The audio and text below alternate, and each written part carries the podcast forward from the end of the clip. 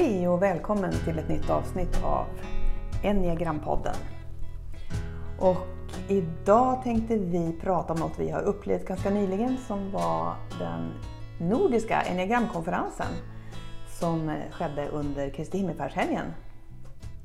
Så vi tänkte berätta lite om både om konferensen och också om bakgrunden till konferensen, hur det blir sådana här konferenser. Mm. Eller hur Ann? Mm. Absolut. Och du hade ju förmånen att Och få fixa till det. fixa till det, precis. Jag var man kan säga, projektledare då för den här konferensen. Eh, kanske beskriva lite också vad det här, eh, den het, konferensen heter IEA, First Nordic Enneagram Conference, och den är kopplad då till den internationella Enneagram Association. Som, eh, du kan berätta, vad, vad är det? Ja, vad är det? Ja, det är en International Enneagram Association som sagt som startades eh, 1997, nej, 1994. Och det var framför allt från början för att man skulle bli lite mer sans i enneagramvärlden. Det var en del schismer mellan de som tyckte att de hade tolkat enneagrammet på rätt sätt och de som, ja, man var inte riktigt överens. Och, eh, och samtidigt hade enneagrammet börjat spridas mer så man såg att det var också människor som kanske inte kunde det så bra som började gå ut och föreläsa och, och liksom sprida enneagrammet på olika sätt. Så att man ville dels liksom få ihop de här olika skolorna man ska säga, som redan fanns och man ville också skapa mer eh, någon slags etiska regler eller hur man tycker man ska arbeta med modellen. På ett, liksom, Lite riktlinjer kan man Ja, säga. Mm. precis. På ett försvarsbart sätt. Eh, och också få ihop alla som är intresserade. Det har alltid varit en, en förening som är både för de som jobbar professionellt och bara de, de som är liksom entusiaster, bara intresserade för sin egen utveckling. Mm, Så att det, det har aldrig varit liksom en sån yrkesförening utan det är, den, är, den är bred, den är för alla som är intresserade av modellen. Och, eh, och sen började väl då den här internationella ha konferenser i, i USA. Ja. Vet du när det började? Det första var faktiskt den här konferensen 1994. Den var på Stanford. Därför Ah. att en av grundarna var ju David Daniels som var professor på Stanford. Mm. Så det var under sommarperioden tror jag när de inte hade så mycket Mm. eh, vanlig undervisning. Så var de på Stanford. Och jag tror, de säger i alla fall att det var nästan tusen pers på den där första konferensen. Wow. Ja. Mm. Det kom folk från hela landet. Liksom. Väldigt mycket Kalifornien förstås för att det, det var där någonstans man hade börjat med enneagrammet. Mm. Ja, det var häftigt. Ja, verkligen. Och, och sen så fortsatte man att ha konferenser, var det varje år då eller Jag vartannat? tror att de hade varje år där i början. Ja. Mm. Men ofta, nästan alltid i Kalifornien faktiskt. Det var lite vaggan för det, alltihopa. Berkeley, Berkeley universitetet och där. Mm. Ehm, Och sen så efter ett tag så kände man väl att man ville ta kontakt med, man ville vara en global organisation och inte bara i USA. Så då, då började man titta på att hur kan vi få ihop oss med andra delar av världen? Och då fanns några organisationer redan, lokala föreningar. Finland till exempel fanns redan och det fanns nog några andra också. Så att man gjorde det som kallas för affiliates, alltså lokala enneagramföreningar som är kopplade till den globala föreningen. Mm. Och där var ju vi med och startade, den svenska. 2012 kanske? Ja, 11, 11 Det var ju. Vi firade 10 år förra året. Förra året. Ja, ja. Mm. Mm. Så vi var med och tog initiativ till den. Mm. Så det finns i, tror jag, i, nu i nästan 20-tal länder sådana lokala organisationer. Organisationer. Som lite sköter sig själva för man gör olika saker och det ser ut på olika sätt. En del har utbildningar, en del är mer bara intresseföreningar. Några är mest för professionella, några är Mm. för blandat. Eh, Det är väldigt olika hur mycket verksamhet man har. Fast man är kopplad ändå till den här, till den här Ja. IA. Ja, För det är också där som sen man också, det här med, med kvaliteten, att man utvecklar det att man blir akkrediterad. Precis. Både som person för att kunna vara, lära ut enagrammet men också kanske också hela, om man har en skola, en enagramskola, att hela skolan också blir akkrediterad Mm. av IA. Och det är ett arbete som man håller på att jobba med. Absolut, och man kan få sin utbildning akkrediterad så det är liksom tre nivåer. Både som person, sen utbildning och skola. Mm, mm, Eh, Och det är något som inte fanns med från början. Så det var ett ytterligare steg i att göra enneagrammet mer, eh, ja, ä- ännu mer tydligare vad, vad krävs för att gå ut och kalla sig för enneagramprofessionell, att jobba professionellt med det. Så. mm. Men, så, att, ehm, så där har man ju också, vi håller på att fila på de där, jag är med fortfarande i den delen, eh, fila på de där reglerna fortfarande. Hur man ska, ja, vad är det som krävs egentligen för att kallas, för att ha tillräckligt med kunskap? Framförallt på den här eh, accredited professional, personliga nivån. Mm, mm. Så att man inte, ja, tycker Nej, att man man kan utbilda folk man- direkt man har Mm. gått en utbildning själv. Liksom. Man läser en bok och så. Mm. Och det är därför att det här ändå är ju, det berör ju oss på djupet, det är ju ganska Ja. känsligt så att, att man går in och ja, att man gör det på ett, på ett etiskt och Mm. på, med kvalitet. För det kan ju Mm. ändå lura in människor i någonting som inte stämmer eller det kan ju bli väldigt tokigt. Så, att- Ja, ja, ja.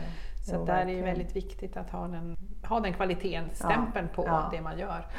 Och ska man också rekommendera människor som, nu sitter vi och jobbar med människor ute i Europa och eh, hade en kille från Portugal igår och skulle rekommendera, han ville hitta en portugisisk sajt och jag kan inte läsa portugisiska men jag kunde leta efter den här IA-stämpeln. Och när jag såg den så visste jag, ja, där kan du gå in och leta. Då, kunde, då gav det mig, då kände jag att där finns det. Det, det, kan, det kan jag lita på. Så att det hjälper verkligen till det. Mm. Och jag tänkte också på, på um, menar, hur viktigt det är att få mycket, ha mycket erfarenhet. För den här akkrediteringen är ju inte bara att du har gått utbildning utan det är att du måste ha hållit på ett antal år som professionell med enneagrammet. Att du har coachat eller haft mycket föreläsningar eller kurser eller så. För det är där man lär sig. Ja.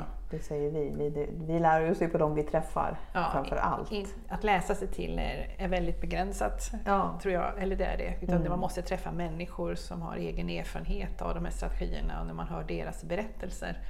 Så det är så man lär sig. Och det kan vi väl bara nämna då att en skola som var från början, eh, som Stämmer. kallas The Narrative eh, School, eh, med framförallt Helen Palmer och, eh, Och David Da- Daniels. David Daniels Mm. där har man, utbildar man bara via paneler. Mm. Eh, Att man, människor får berätta och man ställer frågor. Mm. Det är så man lär sig hela tiden, lyssna på andra. Inte att någon föreläser så här, utan höra andra berätta. Mm. Så höra från den som har en strategi. För man har utgångspunkten där att det är bara de som är experter på strategin. Mm, Så att, eh, Så om man hör det här ibland så, så säger folk the narrative tradition. Mm. Så där är det. det är Mm. den, eh, nu tror jag man är ganska samsynkade i ja. i hur det är man föreläser. Jag bara tänkte på den här narrativa traditionen. Det är också någonting som har spritt sig till alla enneagramlärare skulle jag säga. I stort sett alla kör ju den här sortens panel. Så vi kör ju det på våra Ja. utbildningar alltid. Och även när vi är ute i företag Ja, så har vi ju paneler Ja. där folk får berätta. Och. Det är så människor verkligen börjar förstå mm, mm, varandra. Mm. Och, och ja, är det så du tänker? mm, mm, Så mm. det- det Möjlighet är- att ställa frågor. Och... Så det är ju en superviktig del i det här lärandet. Ja, Mm. ja men det är det verkligen. Mm. Och sen, eh, men sen med åren så har ju de här olika skolorna kommit ihop. Mm, mm. Även, det är ju inte folk, så att folk är osams längre. Utan de som tidigare kanske var på olika läger har nu numera så föreläser man ju tillsammans. Och, Mm. Men nu ser jag det mer som att det är, Ja. det är samma, det är bara lite olika. olika, Sätt sen är det som- olika, precis, olika sätt att se på ja. saker. Absolut, så är det ju. Verkligen.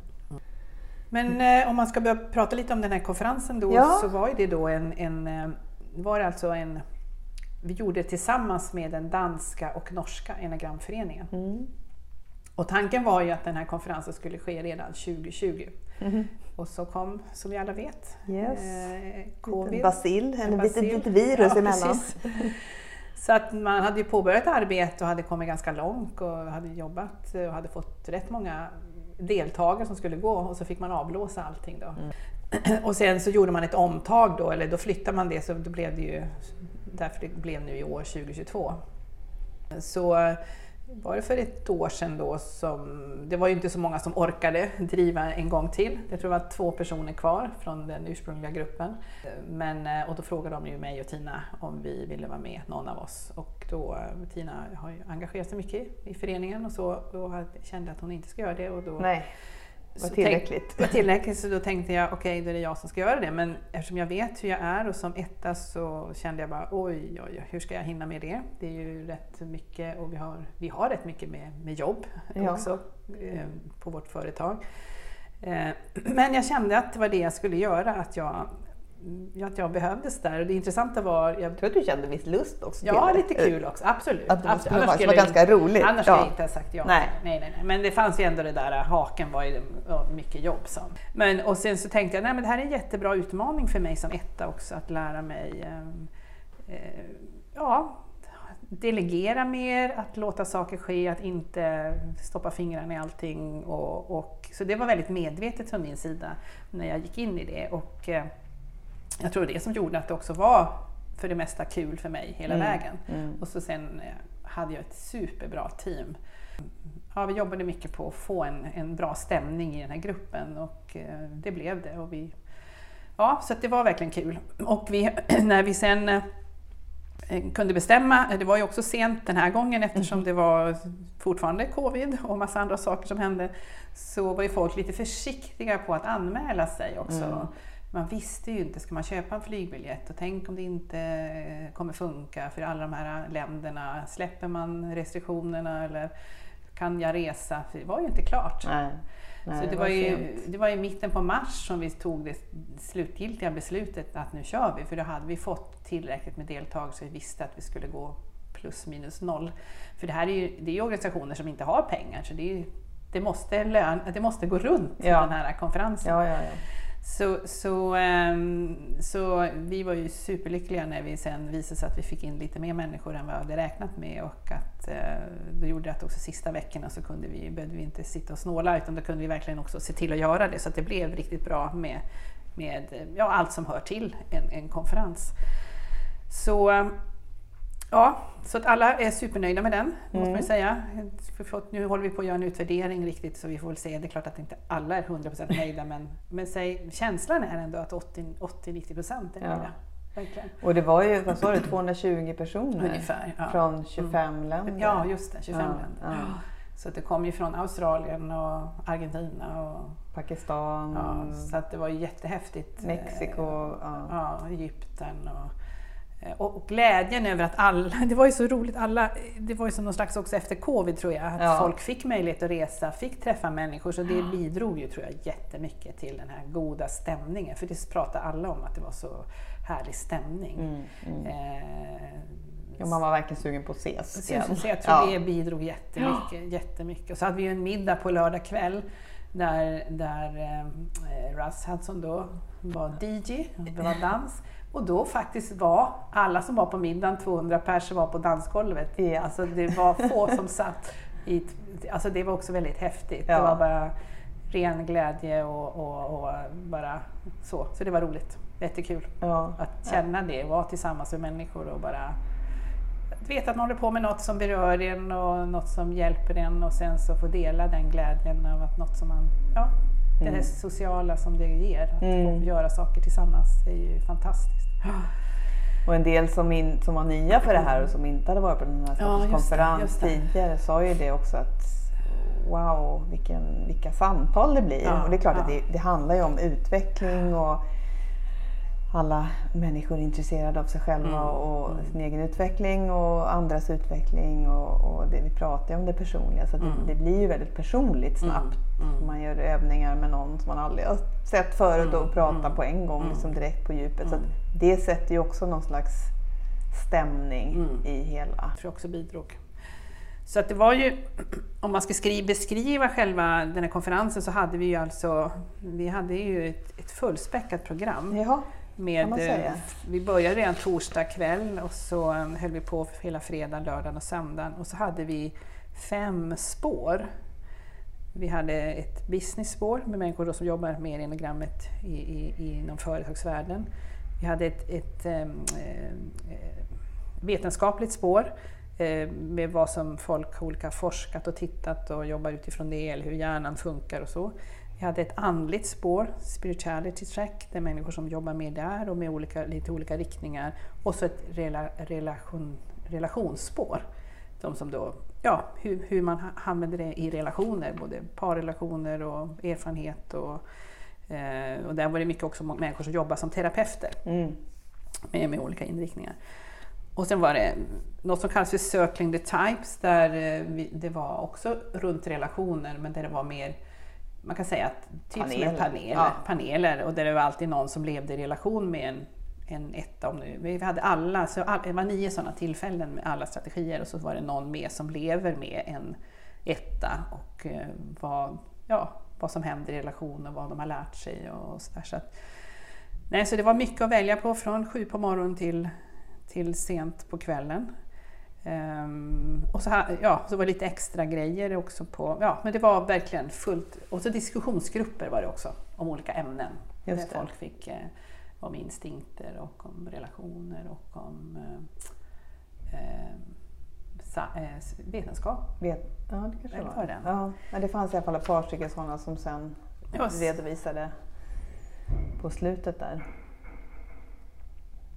Men de här panelerna var ju spännande att bara gå och lyssna på det. För det var ju, som du säger, det var ju i min, jag var med i sjua-panelen och där var vi fyra stycken med sjuans strategi och tre stycken som levde med någon med sjuans strategi. Mm.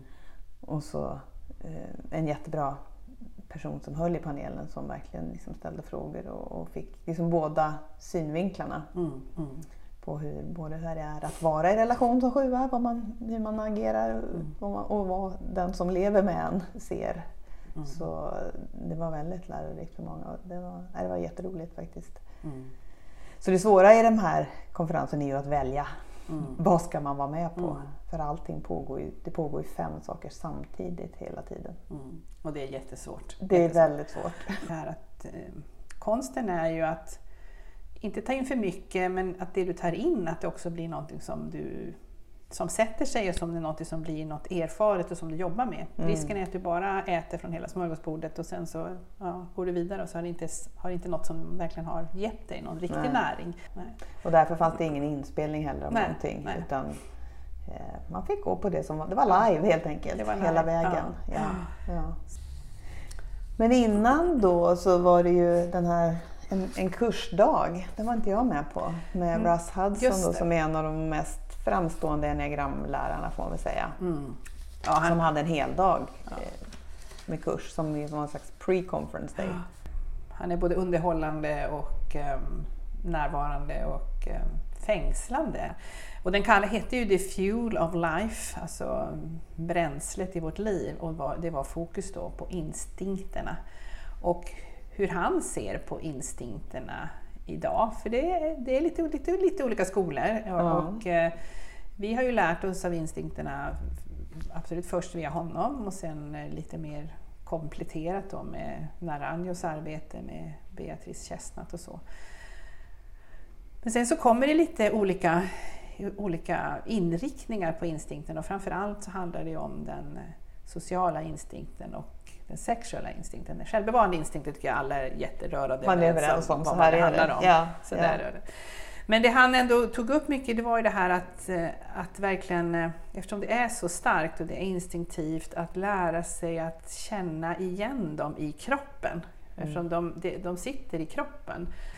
Vad har jag för relation med de olika? Eh, och att det är också en då som är den här dominanta eller eh, som, som driver mycket. Och sen pratar han också mycket på den som kallar för blind spot eller som vi mm, negligerar och så. Att, ehm, att också se att den dominanta är oftast en reaktion på det som vi negligerar. Mm. Att, att det, den, de är lite opposite, eller hur man ska säga. Och det är därför gör det svårt att jobba med det blind, för att Det hotar det lite. hotar lite den, där dominanta. Mm, mm. eftersom alla de här tre instinkterna handlar om vår överlevnad, alltså så tror vi att vi inte kommer klara oss om vi inte får behålla det där. Om, om den, den do- dominerar för mycket, om den tar över så blir det väldigt starkt. Mm. Ehm, Jag bara tänkte det här med kroppen, sa han någonting om hur liksom, man skulle känna i kroppen? Om olika, eller menar han att alla instinkterna känns på samma ställe? säga, eller är det... Ja, han sa så här, transformation of the instinct comes from awakening the felt sense of each of them. Mm. Och det kanske också var både känslomässigt och, men Ja. alltså the felt sense Ja. of, of, of, Ja. of, of them. Att, att någonstans, jag tycker det var ju någonting som ändå många fokuserade på ändå, eh, var ju ändå kroppen. Mm, Det mm. var ju många som hade föreläsningar om det soma, somatic, som man säger på engelska. Då. Mm. Det? Somatiska. Somati, somatiska, svenska.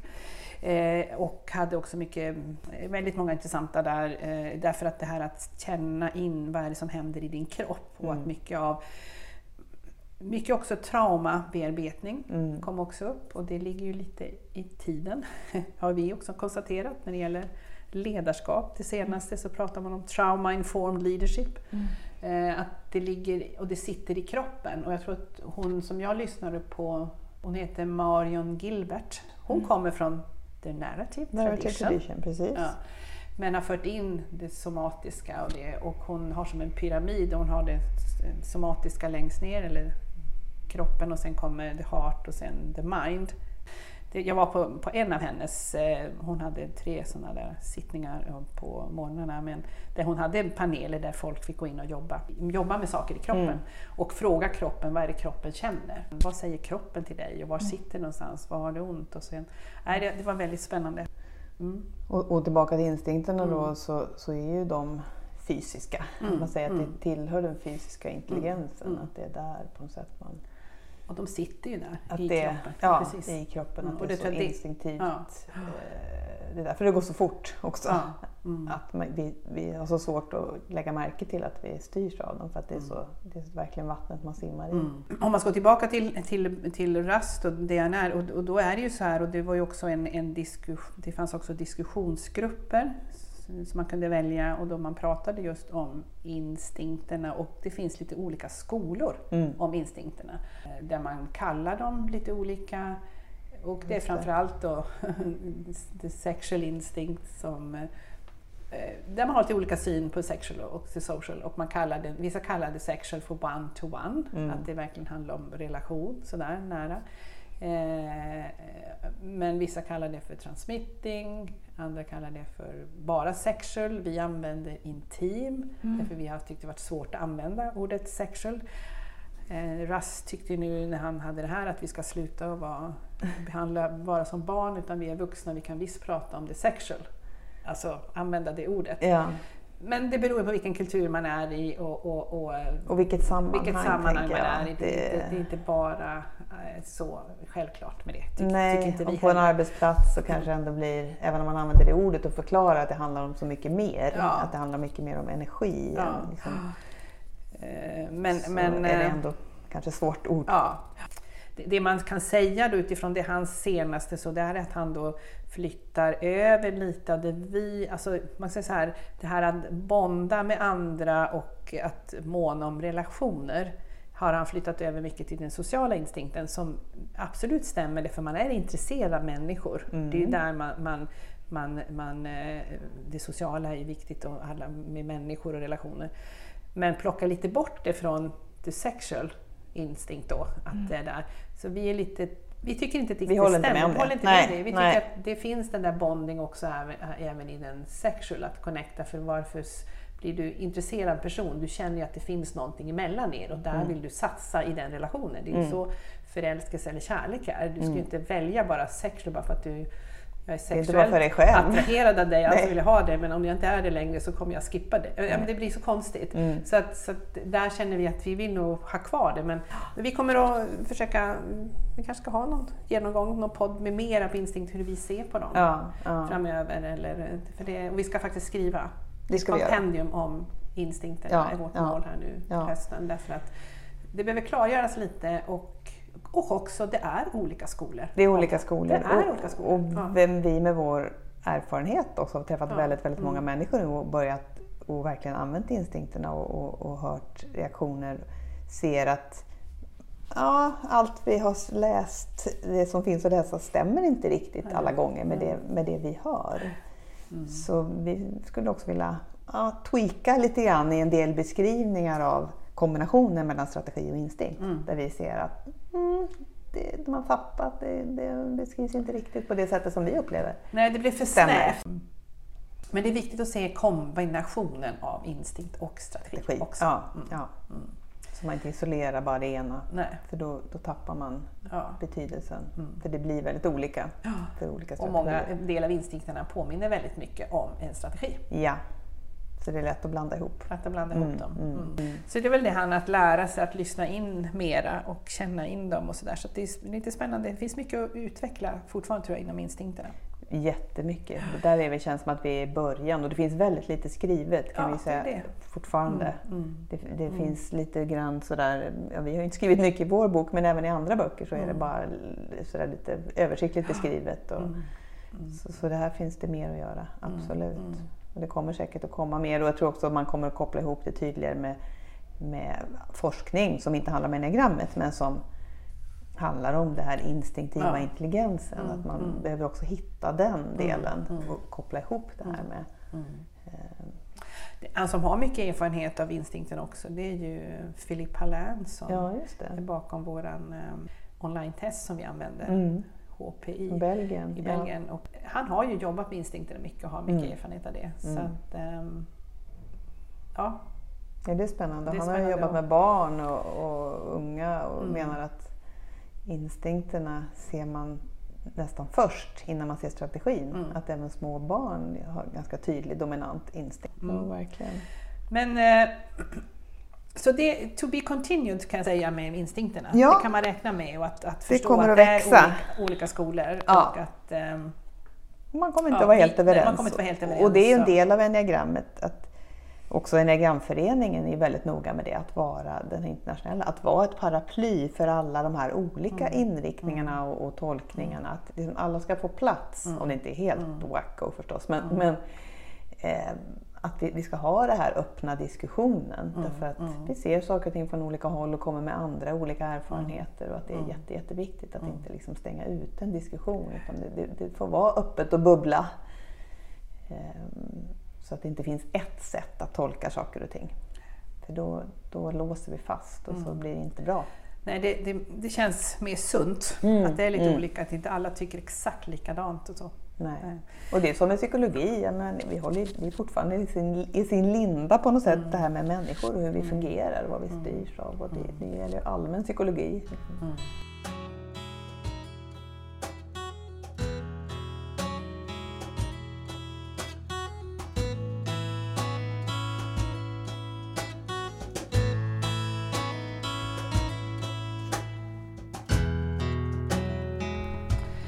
Men du Tina, vad tog du med dig från konferensen? jag tänkte bara ta några exempel på det var ju jättesvårt att välja från det här smörgåsbordet förstås, av alla olika eh, inriktningar. Men några sådana här lite, jag gick på lite udda grejer, eh, sådana som eh, jag inte hade hört tidigare. Mm, det. Och det var bland annat en tjej som var röstcoach, det tyckte jag var spännande. Och enneagramlärare. Och hon pratade, framförallt pratade hon om de mentala strategierna, då, femman, sexan och sjuan, men hon sa lite grann om alla tre. Eh, och då menar hon att generellt så har de, då, eh, de här kroppsstrategierna, alltså 8, 9, 1, har en mer grundad röst. Rösten kommer oftast lite automatiskt från längre ner i kroppen. Mm. Eh, och, och de som har mera eh, 2, 3, 4 som är mer hjärtat då, eller emotionella strategier har en mer eh, tender voice. Hon tog exempel, hon sjöng lite, hon var duktig på att sjunga. Hon tog med exempel Michael Jacksons sätt att sjunga som är så här, lite ljust och lite så. Mm. Mm. Men en, mer liksom känslomässigt laddad röst. Och vi som då har eh, det mentala var lite mera eh, frånkopplade från kroppen i vårt sätt att prata. Att vi pratar mycket utifrån huvudet Mm. och tankarna. Och hon visade exempel på det här och, och pratade själv då från olika delar. Det var superintressant. Hon var jätteduktig på Mm. att just gestalta de här eh, sakerna. Sa du hon hette? Hon heter Cynthia Zia. Z-H-I-A. Eh, bor i USA. Eh, men hon, om man vill söka upp henne så har hon, hon sa att hon hade mycket på Youtube. Eh, spelat in både föreläsningar och, och exempel på röster och sådär. Så att, eh, hon är som sagt röstcoach och hon co- coachar då företagsledare som, i att ja, nå ut bättre till sina medarbetare och, och, och liksom lära sig verkligen jobba med sin röst. Och, Mm.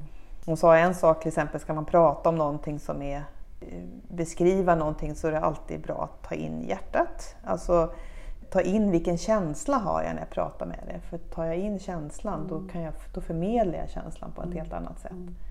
Eh, framförallt var det kanske för de som hade, var mycket i huvudet. Mm. Att det gäller att ta, för då får man ju med sig människor också på ett Mm. helt annat sätt. Om jag verkligen tar in, känner in, känner nästan fokuserar på mitt hjärta när jag Mm. pratar. Mm. Så kommer det liksom ut på ett annat sätt. Mm. Så några sådana små fakta var att hon pratade om åttor kan faktiskt köra slut på sig själva genom att använda för mycket luft. Att de andas liksom ut jättemycket på varje stavelse. De tar i så sen de pratar. Att liksom, tappar luften nästan. Så hon hade lite sådana här olika... Alltså det var, det var spännande. Så Ja, Cynthia, ja, det var flera som, jag hörde andra som hade varit det som var, tyckte det var spännande. Ja. ja, så hon var rolig. Eh, tyckte jag. Ska jag ta något mer? Ja. Eller vill du? Nej, jag- Jag så pr- lyssnade med en tjej som var, heter Candice Thomas. Hon var akupunktör. Mm. Och hade från början var en vanlig akupunktörklinik och hade massor med patienter. Och sen så har hon lärt sig om enneagrammet och tyckte att "Men det här är jättespännande. Vad kan jag lära mig om de olika människornas eh, sjukdomstillstånd? Vad de kommer till mig för och vilken enneagramstrategi de har. Så hon började att ta reda på eh, enneagramstrategi för alla sina patienter. Så att alla som kommer till henne vet hon också vilken strategi de har. Men hon började se då, så hon tog upp olika eh, ja, typiska mm, hälsoproblem som man får utifrån vilken strategi man har. Så det var lite spännande. Och, ja, så ettan till exempel kan man ju tänka sig att det är mycket spänningar och huvudvärk förstås. För att man spänner sig och vill göra allting rätt.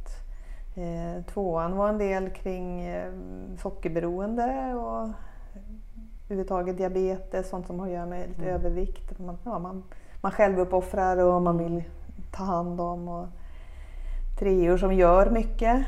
Där var det mer så här högt blodtryck och saker och ting med hjärtat. Mycket kring hjärtat. Och, och, ehm, och på fyran sa hon, där hade hon en extra lång lista på massa med olika hälsoproblem.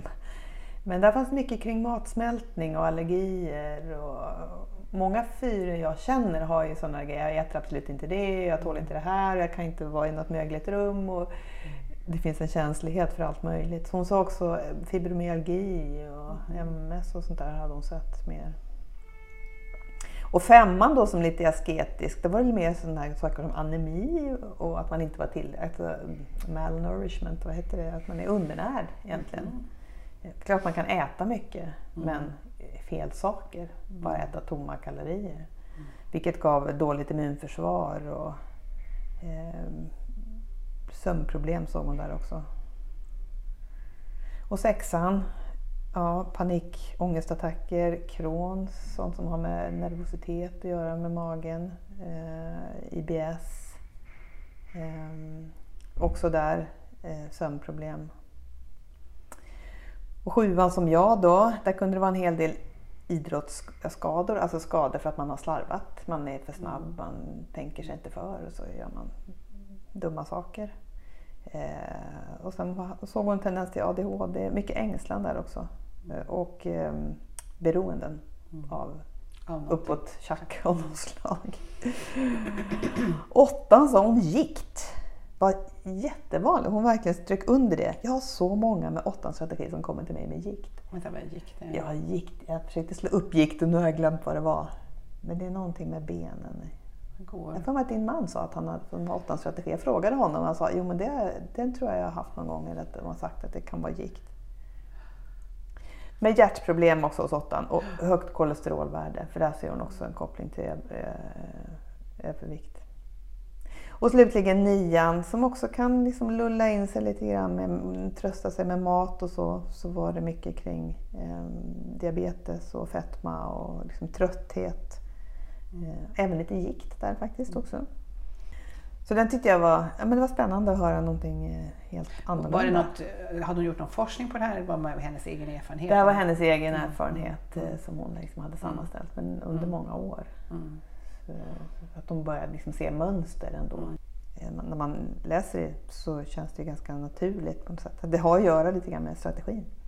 Så det var väl de två som jag har. Som du som tog med dig Ja, sen, tyckte, sen har jag också lyssnat på Malcolm och Gail. Ja, det gjorde vi eh, båda Australien. faktiskt. Det gjorde vi Mm. båda två, precis. Så de har ju något som heter Global Leadership Foundation som man kan titta på. Deras Mm. hemsida jobbar mycket med ledare och har både utbildningar och workshops och jobbar, har en, också en egen organisation som, Mm. med, med ledarutvecklare som, över hela världen faktiskt. Så där gjorde vi mycket det var bra övningar. Mm. Ja, så där har vi köpt nu deras Mm. material som de använder. Jag ska också ha ett snack med henne faktiskt, eh, eller med dem båda två nästa vecka. För de är väldigt också tips. generösa Väldigt med, generösa, med, med övningar och både med team. Och de jobbar ju också mycket med relationer, så inte bara team. Nej, och de jobbar ju också en hel del med, med urbefolkning i Australien, I Australien, och ja, försöker ta in deras kunskap i Mm. sina kurser och workshops och ledarutbildningar. Mm. Så de är jättespännande. Mm. En sjua, han en Femma. femma. Mm. Mm. Mm. Det var faktiskt flera som sa det. Oh, det är jättemycket femmor som föreläser. Det var nog en hel del femmor Ja. Mm. Men det är ju många femmor i. Enagramvärlden, ja, Mm. de som har liksom, ja, tagit fram nytt och så här med Mm. Russ femma. Och, Han den här, um, jag var ju också på han den här Khaled, Khaled som är i, i, en Egyptisk. eh, Khaled El Shelbini som eh, är under the spiritual track. Och han är ju rätt så stor och har ju skola, enagramskola I Egypten, i ja. Egypten och så. Mm. Men väver in med, den andliga delen i hans undervisning. Och eh, pratar om det och då tog han eh, eh, alltså vad handlar med, man pratar ju om just bara hjärtat då, emotionell intelligens och hur, hur den kan utvecklas då. Han tog stages of the heart. Ja, men han har gjort sin egen resa. Han, eh, jag vet inte hur gammal han var när han berättade när han var runt 40. Ja, jag kommer ihåg, han är, han är ju forskare och jobbat med mm, heter, rymdforskning och är Mm. ingenjör, super bright Ja, vad jag förstår. ja. Så.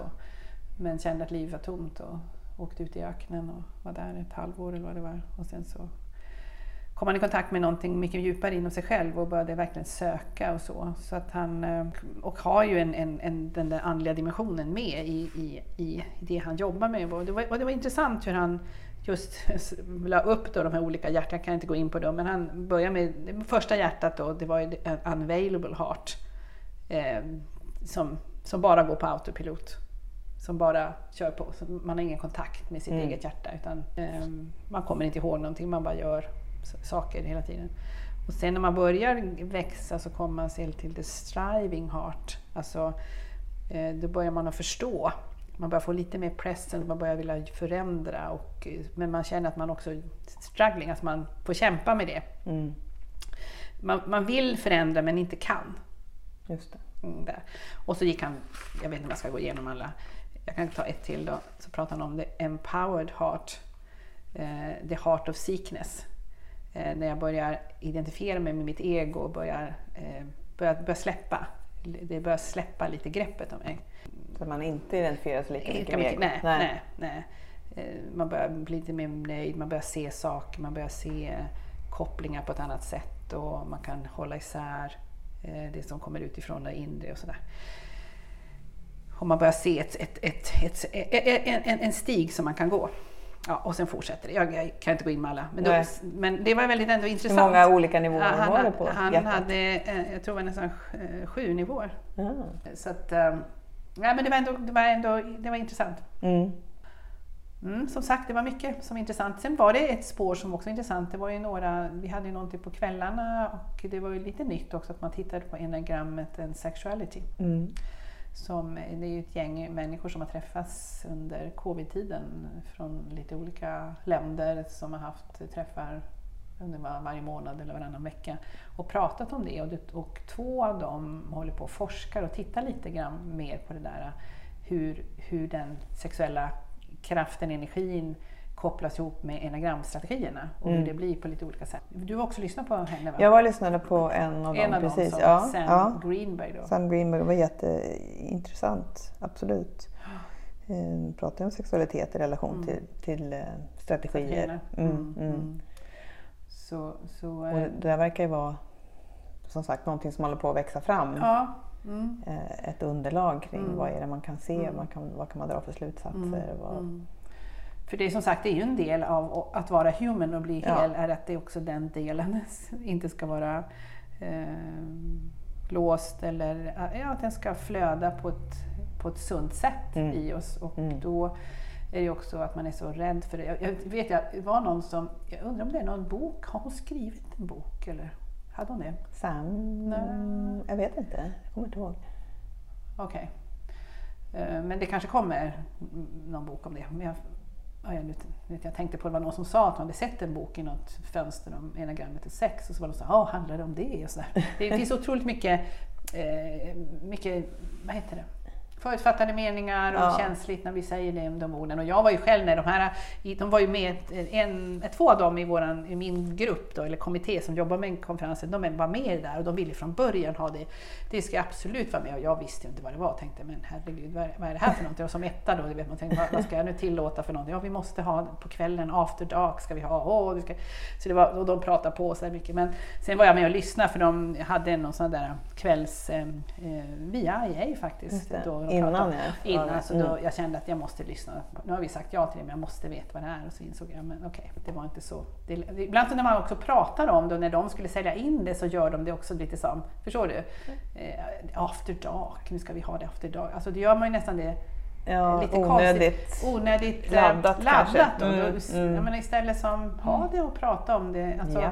Så det, det är också det, det man, även om man själv tycker att det här är helt vanligt, normalt, så kanske man ändå Mm. lägger det där på det för att någonstans känner man själv att det är lite känsligt. Förstår du? Det är lite intressant. Mm. Eller att man tar för givet att andra tycker att det är att känsligt andra tycker och så ska man ladda det det på något det. sätt. Så, att jag tyckte inte det var, var spännande att Mm. det kom in, för det är ingen annan som har pratat om det. För jag har de checkat med, kollat med de här lärarna och sådär.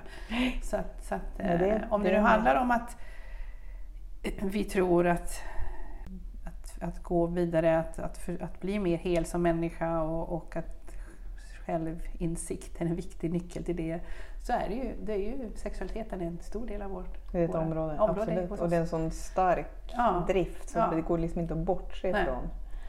Ehm, Och det är väl därför också med instinkten att det kommer Ja. fram mera. Mm. För det är ändå Mm. sexual instinct har ju någon slags, det är sin grund kraften. där. Ja. Och, och den kraften går att använda till annat än än, än det. en Precis. sexualitet. Det är Precis. en energi som vi kan använda i Mm. skapande och i Mm. komma framåt. Och, På tal om det så var det ju en, en annan, jag gick inte på det själv, men det var en kvinna som pratade om kreativitet. mm.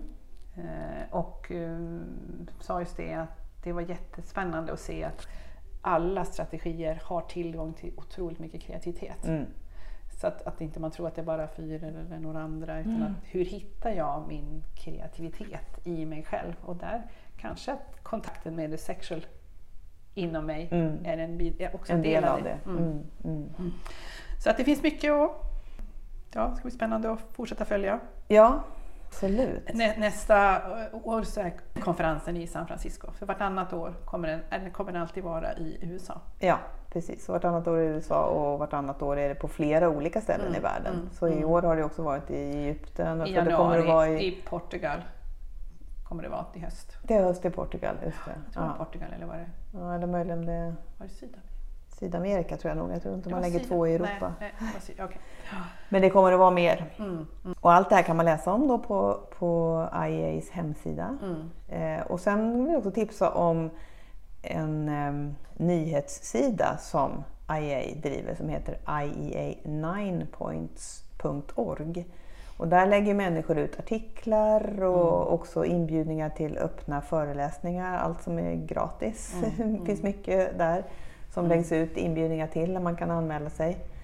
Så, så där finns väldigt mycket matnyttigt utav ja, sånt här som sker runt om i hela världen och alla olika inriktningar. Och, så För att ba- bara få med och vara med, för då får du ju mycket info. Precis, Ja. för det är ju som sagt nu sen covid så är det så mycket online Ja. föredrag och IEA har ju de här gratis föredragen också. Också egna. Egna precis. som kommer ut eh, ja, i våran tid, kanske då kvällstid. Mm. Där det är olika som, eh, från, olika, från olika delar av världen som vill berätta Mm. om något i en, en och en halv, två timmar. Så det är ju en, det är en möjlighet. Verkligen. Och är man medlem så får man också inspelning av sådana saker. Det Mm. läggs i ens bibliotek. Om man har anmält sig så får man också en inspelning. För Mm. sådana saker spelas in, det som är digitalt. Mm. Men jag tänkte om det är något som vi har sagt idag och ni inte kanske riktigt fick kläm på vad var det för person och så kan ni ju mejla oss så kan vi ju bara skicka lite mer info Ja, med de här olika föredragen som vi var på. Så absolut. ni kan hitta till deras hemsidor och så. Och då mejlar man på info.enegramcenter.se Mm. enklast. Mm. Och nu tar vi snart sommarledigt Ja. och tar det lite lugnt Mm. och vilar upp oss inför hösten.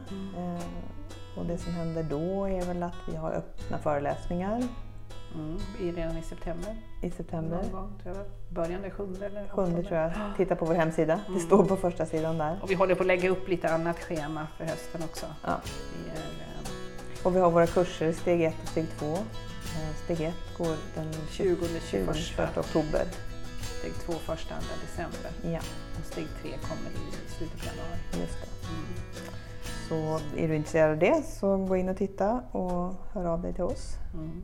om du har frågor eller så. Eller anmäl dig. Mm. Så, ja.